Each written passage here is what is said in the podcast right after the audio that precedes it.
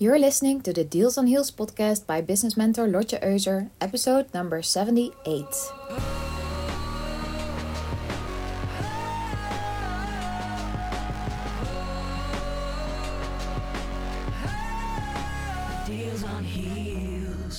Welcome to this podcast episode. My name is Lotje Euser and I'm a business mentor for entrepreneurs and companies who want to fall in love with sales and become really good at selling.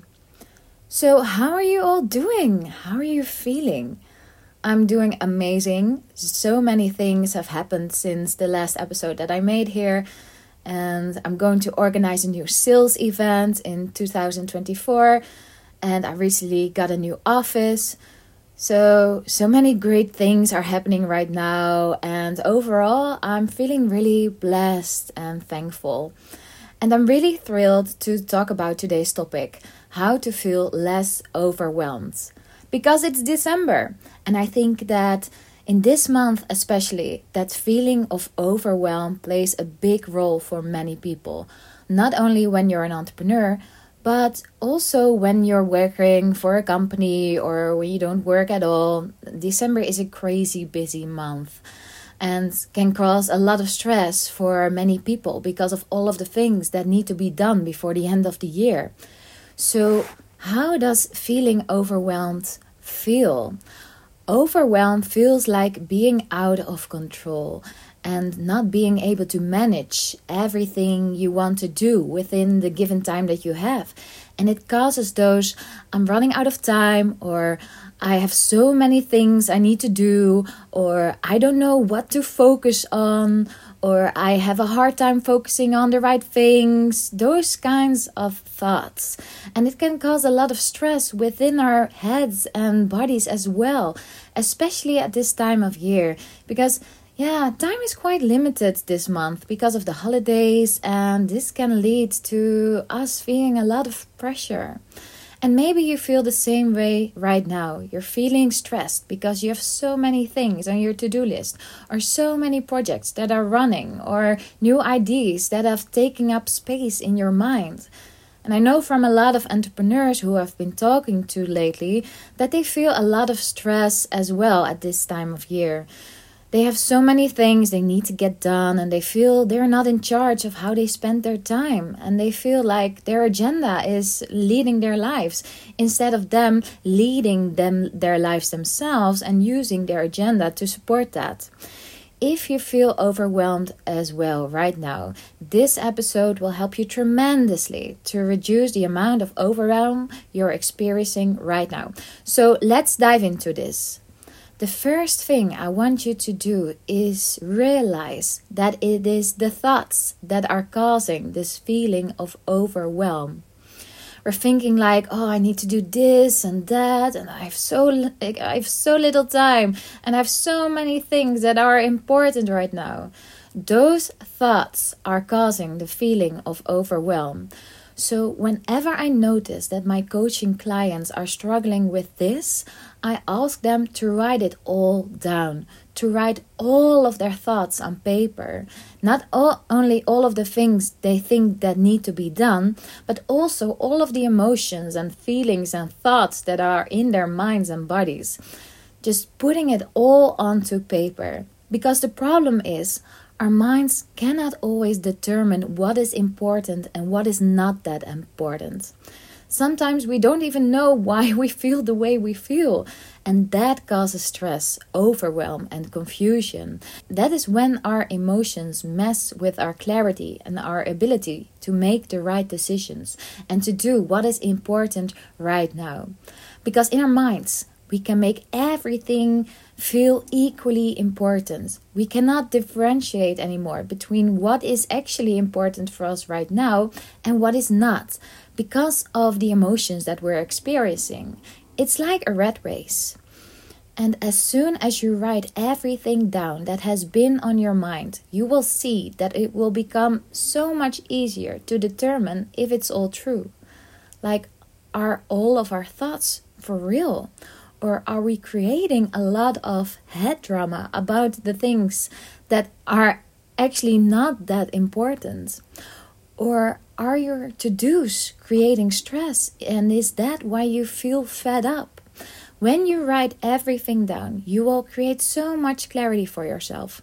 I cannot emphasize how important this is. And when you're experiencing that sense of clarity again, because you've put everything out on paper, you can easily determine what is important and what is not. And that is when you can start to prioritize all of the things that you've written down. So, what I would advise you to do is to start prioritizing what is important to do today. What must be done today? And what must not be done today, and what is not important to do today, and what is important for this week, and what is important for upcoming weeks. And you will see that when you take a good look at everything that you've written down, you will see that it's actually not a lot of things that need to be done ASAP.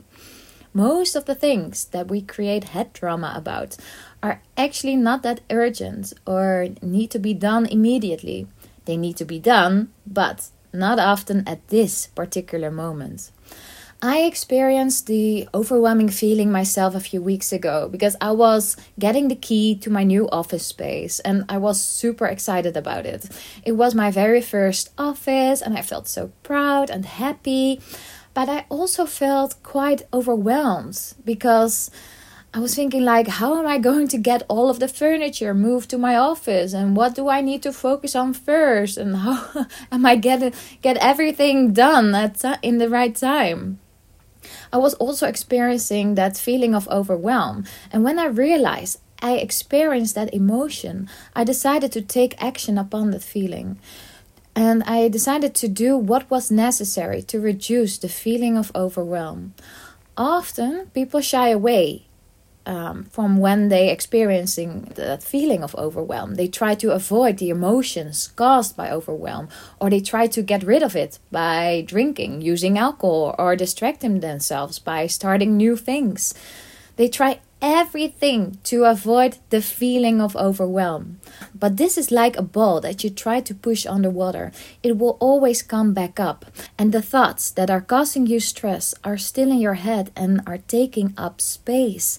And knowing that somewhere in your mind you feel so much stress will only take up more energy and will block your natural creativity and flow. And I can tell you from my own experience that whenever I'm stressed, I'm just not a fun person to be around. And I bet you recognize this for yourself. No one becomes nicer or a more joyful person by experiencing stress.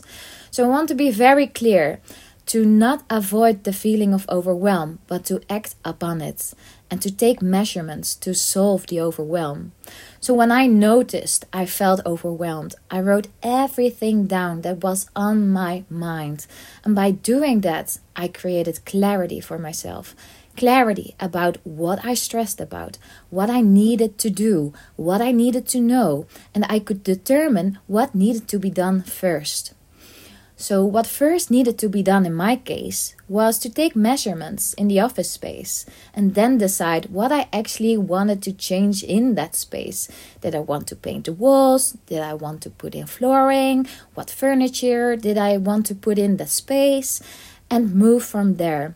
So, I created a to do list and prioritized all the to dos and I determined what I wanted to get done first and simply started with the first thing on my list. And you can do this too for yourself. And whenever you start to prioritize the things that are on your list, I want you to also prioritize taking breaks for yourself and make them as important as all of the other things that are on your to do list. When I put down everything that I needed to fix for my office space, I also prioritized my energy. So, whenever I knew that I would be in my office all day working to put in flooring or whatever, I would keep my evenings free. I would schedule alone time. I would schedule relaxing activities because I know that when you're busy, it becomes even more important to take breaks. However, that is not always what we do, right? Whenever we feel busy and overwhelmed, the last thing we think about is actually taking breaks. But these are the exact moments that breaks are even more important. So I want you to add those breaks to uh, your agenda as well and schedule them very intentionally. Because when you don't do that and you're super busy, you simply forget to take breaks because anything else seems more important. But it's not if I would only work and work and work, then I would exhaust myself. And that is why overwhelm can also cause burnouts, because we forget to do self care in the heat of the moment. And I want you to not schedule so many things in your agenda that you're not able to keep up with it, but to schedule them in a realistic way and add those breaks as well. And if you don't know how much time something will take up and you experience troubles to schedule all of the things, then I would say that is simply untrue. The amount of time something will take is determined by the time we create for it. This is Parkinson's law. Parkinson's law is a law which states that the work of a task expands according to the time available to accomplish a task. For example, I can take three hours to write the perfect post for social media. Easily, really. But I can also simply decide to write 10 posts in three hours. So the amount of time some activities take are determined by the amount of time we decide to take for it. Remember, you are in control of your agenda, your tasks, and your time, not the other way around. If you do what I say in this episode, you will feel less overwhelmed, you will feel in control again, and you will know what needs to be done to reduce the feeling of overwhelm as well. So I hope that this episode will help you get through December in a less stressful way. And if you want to share anything with me about this episode, feel free to do so. You can send me a DM through LinkedIn or Instagram, and I would love to hear from you. I wish you a very pleasant weekend and talk to you soon.